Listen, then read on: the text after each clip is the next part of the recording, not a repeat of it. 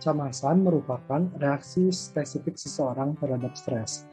Nah, kecemasan ini merupakan suatu istilah yang mewakili rasa takut, eh, gelisah, sedih, dan lain-lain.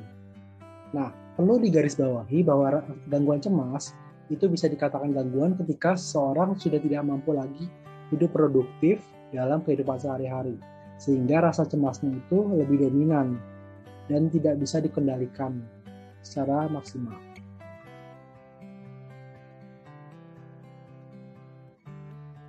Apa saja sih yang menjadi penyebab gangguan cemas? Ada bermacam-macam. Salah satunya adalah pengalaman buruk di masa lalu. Lalu kedua, gangguan kepribadian. Ketiga bisa jadi karena obat. Dan keempat bisa juga karena genetik.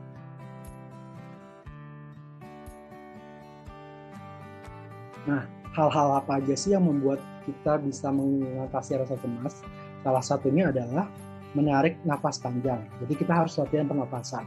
Caranya adalah hembuskan nafas melalui hidung selama 4 detik secara perlahan, lalu ditahan selama 4 detik, lalu hembuskan melalui mulut perlahan selama 4 detik. Nah, yang kedua, perlu kita terhubung dengan support system kita.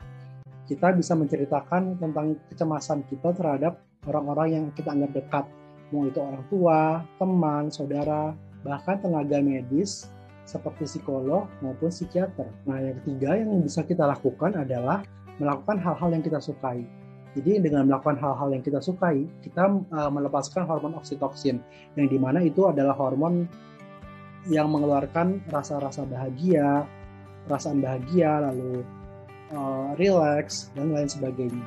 Kamu bisa melakukan hobi-hobi kamu seperti misalnya kamu suka bermain musik, misalnya suka olahraga, dan lain sebagainya. Lalu yang keempat, olahraga secara rutin juga membuat kita mengurangi hormon-hormon kortisol, itu adalah hormon-hormon stres. Dan olahraga secara rutin seperti yoga dan e, berenang dan lain sebagainya akan membantu kita mengeluarkan hormon endorfin yang di mana itu adalah hormon yang membuat kita jauh lebih rileks dan senang.